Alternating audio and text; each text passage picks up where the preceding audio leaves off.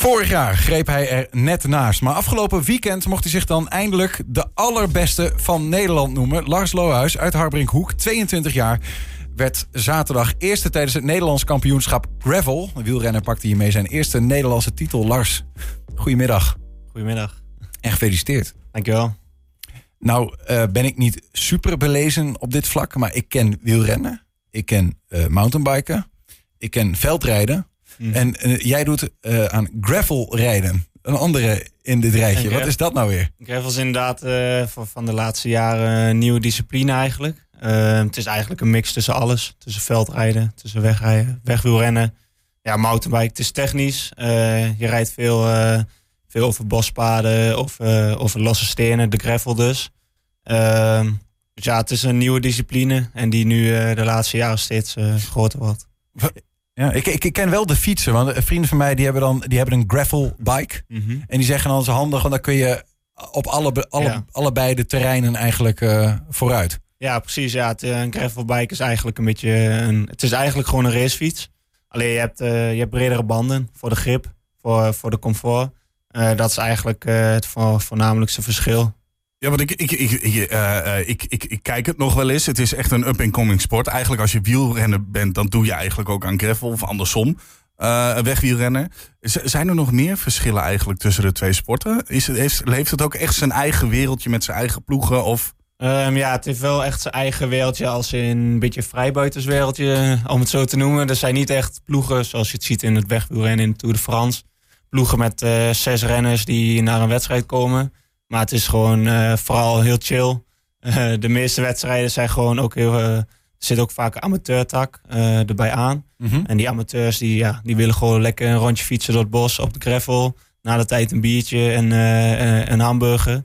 Uh, maar nu wordt het steeds uh, professioneler Serieuzer, door, ja. uh, door dit soort wedstrijden. Maar hoor ik een beetje aan jouw stem dat je wel een feestje hebt gevierd? Of? ja, ik heb, ik heb inderdaad een gezellig weekend gehad. de kameraden waren in Düsseldorf. Dus ik ben zaterdagavond naar het NK aangesloten. Ja. En ja, moest even gevierd worden natuurlijk. Want, want waar was het? Laten we dat voorop. Waar was het NK? NK Greffel was in Banholt. Dat is helemaal onder in Limburg. Eigenlijk tegen de Belgische grens aan. Oké. Okay. Zuidelijke kan niet. Maar dat is wel uh, op, ja. in heuvelachtig gebied. Ja, het was redelijk glooiend, het parcours. Er zat, uh, er zat de molenweg in. Dat, was, uh, dat is wel een, een, stel, een stel klimmetje. Um, en in totaal was het 1100 hoogtemeters. Dus ja, wel redelijk, wel redelijk op en af. Ja. ja toch, het is best een prestatie. We komen zo nog op. Je hebt namelijk niet de minste verslagen. Uh, maar neem ons even mee, uh, die wedstrijd. Het was natuurlijk bloedverzengend heet uh, dit weekend. ik heb dat zelf een beetje ervaren gisteren. Een singelloop. Nou, dat is puur recreatief van mijn zijde. Maar hoe, hoe, hoe ging het? Ja, natuurlijk met die temperaturen. Iedereen heeft er last van. Maar je, ja, je moet je wel net iets beter gaan voorbereiden. Je moet zorgen dat je goed drinkt. Dat dat je lichaamstemperatuur zo laag mogelijk blijft gedurende de wedstrijd. Dat doe je door te koelen. En dat is eigenlijk ook uh, een belangrijk onderdeel. Uh, ja, maar je start, we start om, uh, de start was om 1 uur.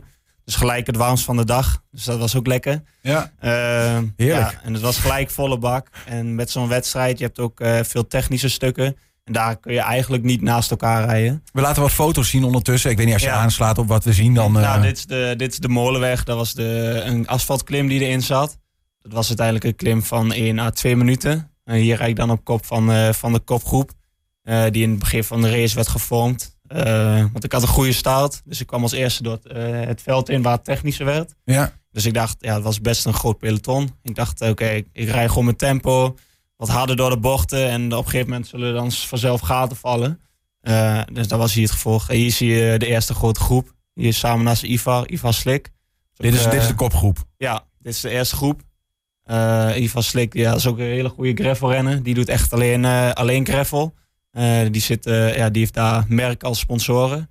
En daar rijd ik nu mooi naast. Ja. Maar en wat jij zegt, die doet alleen gravel, dat is, dat is dan relatief uitzonderlijk. het is echt wel vaak dat er beide gebeurt. Jij, doe jij doet ja. ook gewoon een wegwielrennen? Ja, eigenlijk, ik ben gewoon wegwielrennen. Daarvoor heb ik, ja, ik zit bij een wegploeg, een continentaal team. Dus een bepaald niveau. A-blok? A-blok zit ja. En daar heb ik een, een contract. Uh, en de gravel doe ik erbij naast. Dus als ik geen, uh, geen wegwedstrijden heb, dan pak ik de gravel puur voor variatie. En omdat het gewoon heel goed op elkaar aansluit. Maar is het dan niet, hier ben je dan nu Nederlands kampioen in. Mhm. Eh, iets waarvan je zegt, dan, ik specialiseer me ergens in, of is dat een onlogische keuze? Nee, ja, dat zou wel een logische keuze zijn. Eh, maar ik wil me er zeker meer op focussen volgend jaar. Ik ga dan naar Beat. Eh, en Beat is ook een ploeg die focust ook wat meer op, op het offroad. Dus ook op de gravel. Ja. En daar krijg je dan ook meer kans om eh, meer gravelwedstrijden te rijden. Eh, en dat is ook mooi om de trui te laten zien. Ook bij die ploeg. Eh, deze man. Toch even gewoon leuk om te laten zien. Eh, voor de kenners, die zullen hem zeker herkennen. Anderen misschien van tv. Hier nog met zijn hand omhoog. Een beetje als een boer met kiespijn. De AD-columnist. Nou ja, hij staat hier toch mooi op een tweede plek. Want jij staat al op de eerste plek. Thijs Zonneveld. Ja, Thijs die, eh, die kwam aansluiten de laatste twee kilometer bovenop het klimmetje wat je net zag. Eh, dus het werd een sprint. En uiteindelijk, eh, ja, ik was de snelste. Ging als snelste als eerste door de laatste bocht. En toen eh, kon ik hem gelukkig voorblijven. Wat is het eerste wat hij tegen jou zei na de finish? Eh, gefeliciteerd man. Hij, de- hij, hij is al eh, relatief op leeftijd, zo uit mijn hoofd. Ik weet niet precies hoe oud hij is. Eh, zijn leeftijd maar- durf ik niet te raden, maar hij, is- hij is ouder dan mij. Hij komt je halen. Ja, ja, ja, ja, ja, ja, Maar, maar dan, dan is het toch ook wel gaaf dat je, hem- dat je hem erop legt in een sprint van iemand die zoveel ervaring heeft. Ja, dan nee, heb je dat- ook best goed uit moeten spelen. Ja, nee, zeker. Ja. Het, is, het is natuurlijk ook echt een goede renner die ook focust echt op het gravel. Ehm, dus het was zeker een goede een concurrent om rekening mee te houden. Ehm, en uiteindelijk eh, ben ik blij dat ik het eh, goed heb uitgespeeld. Maar eh, doe, doe je dit ook? Want nogmaals, ik ben niet echt een, een kenner. Maar ik weet inmiddels dat je bij de Tour de France... dat, dat er ook in teamverband wordt gereden. Is dat bij gravelrijden niet anders?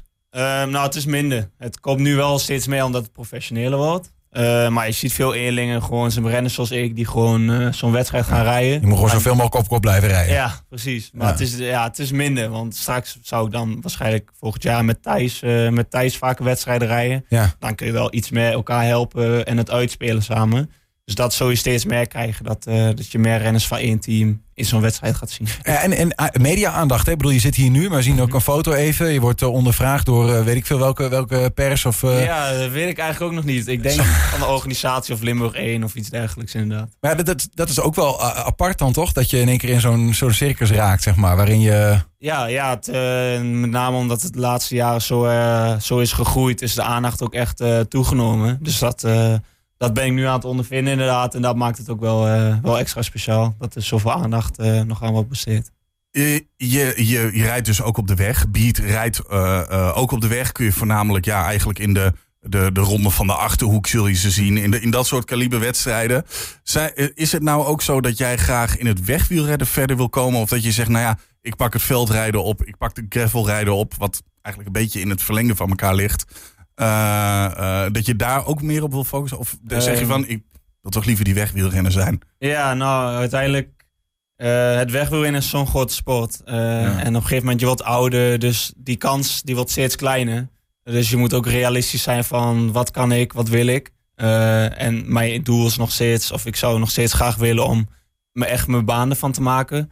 Al dan niet in het eh wegwielrennen of gravel. Ehm, dus ik blijf nog gewoon een jaar volledig eh focussen op de weg. Maar de gravel, als daar een kans in komt, dan zou ik dat zeker, zeker willen doen. Wat hebt- betekent dan een kans? Sorry hoor, maar want je bent nu Eh, gewoon Nederlands ja. kampioen. Ja, een kans als in dat merken, nu is vooral merken in de gravel, dat die bijvoorbeeld een kennendeel, dat zo'n merk zich gaat binden aan jou eh, en dat jij op die fietsen rijdt en dat hun jou, eh, ja, dat zijn dan je sponsoren. Ja, dat je echt je boterham eh, kan gaan verdienen. Precies. Ja.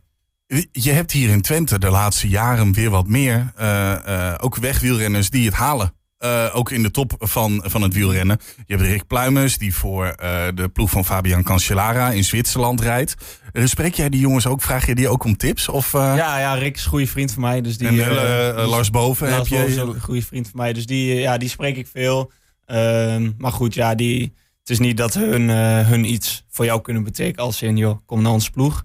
Nee, maar, je, Eh, maar je, je rijdt hier je lokale rondjes Ja, wel. ja. En je zal vast wel daar ook tips krijgen. Ja, nee, we trainen vaak samen. Dan heb je het over wedstrijden, over trainingen, hoe je het aanpakt. En eh, ja, uiteindelijk breng je elkaar ook wel naar een hoger niveau. Als in dat je naar elkaar eh, ja, luistert en tips. Maar wat zijn tips dan? Je moet er gewoon op die fiets zitten en, en enorm trappen. te- op de Ja, fiets, ja, ja. toch niet? Uiteindelijk komt het daarop neer. Ja. Nee, dat is te simpel. Of niet? Dat is te simpel. wat, Ja, tegenwoordig is dat wel te simpel. Wordt nu al allemaal wat wetenschappelijke. Eh, maar de basis inderdaad is veel uren maken, hard trainen. Ja. Eh, ja, talent is, eh, is misschien een paar procent, maar de rest is gewoon arbeid eh, dat je erin stopt. Dus, eh.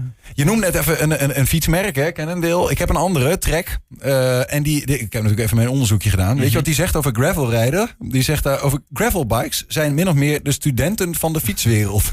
Soms hard werken, maar vooral ook hard feesten. Ja. Nou, echt vind ik het wel mooi dat je hier aan tafel zit met een enigszins overslaande ja. stem. Nee, inderdaad. Ja. Maar wa- want wat maakt nou gravelrijden zo? Want dat is eigenlijk het ding natuurlijk waarom het zo aantrekkelijk is dat het de snelst groeiende fietssport van het moment is. ja, vooral die lage drempel, denk ik. En wat je zegt, eh, eh, de onprofessionaliteit, eh, misschien kun je het zo noemen. Dat er na de tijd gewoon met elkaar wordt, eh, wat wordt gedronken voor de amateurs. Dus de, voor amateurswielrennen snap ik, ja, dan is dat toch geweldig. Je gaat een weekendje Limburg, je pakt zo'n event mee.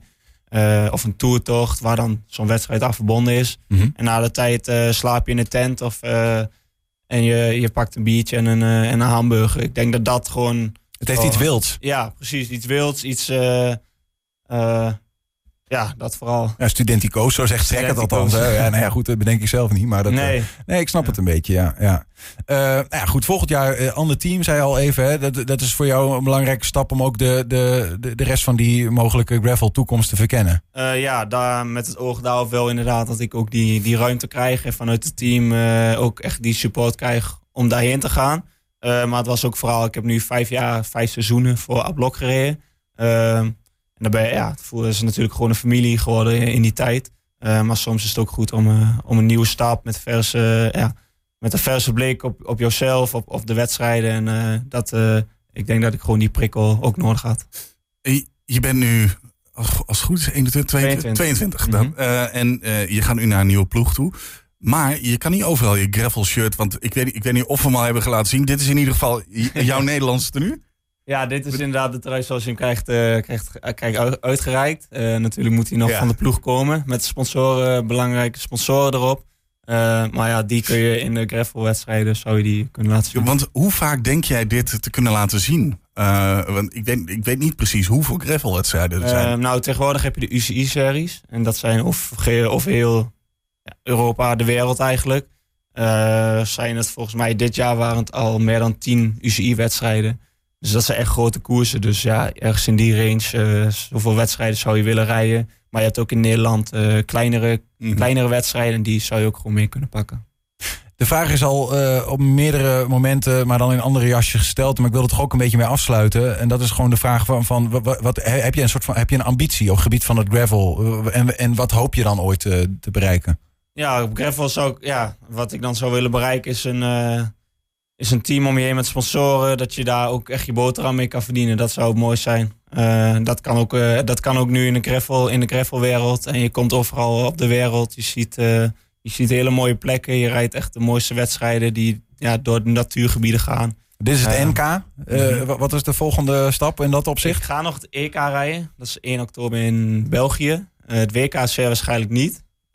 Dus dat zijn ook, ja, het EK is ook een mooie, een mooie kans om, eh, om jezelf te laten zien.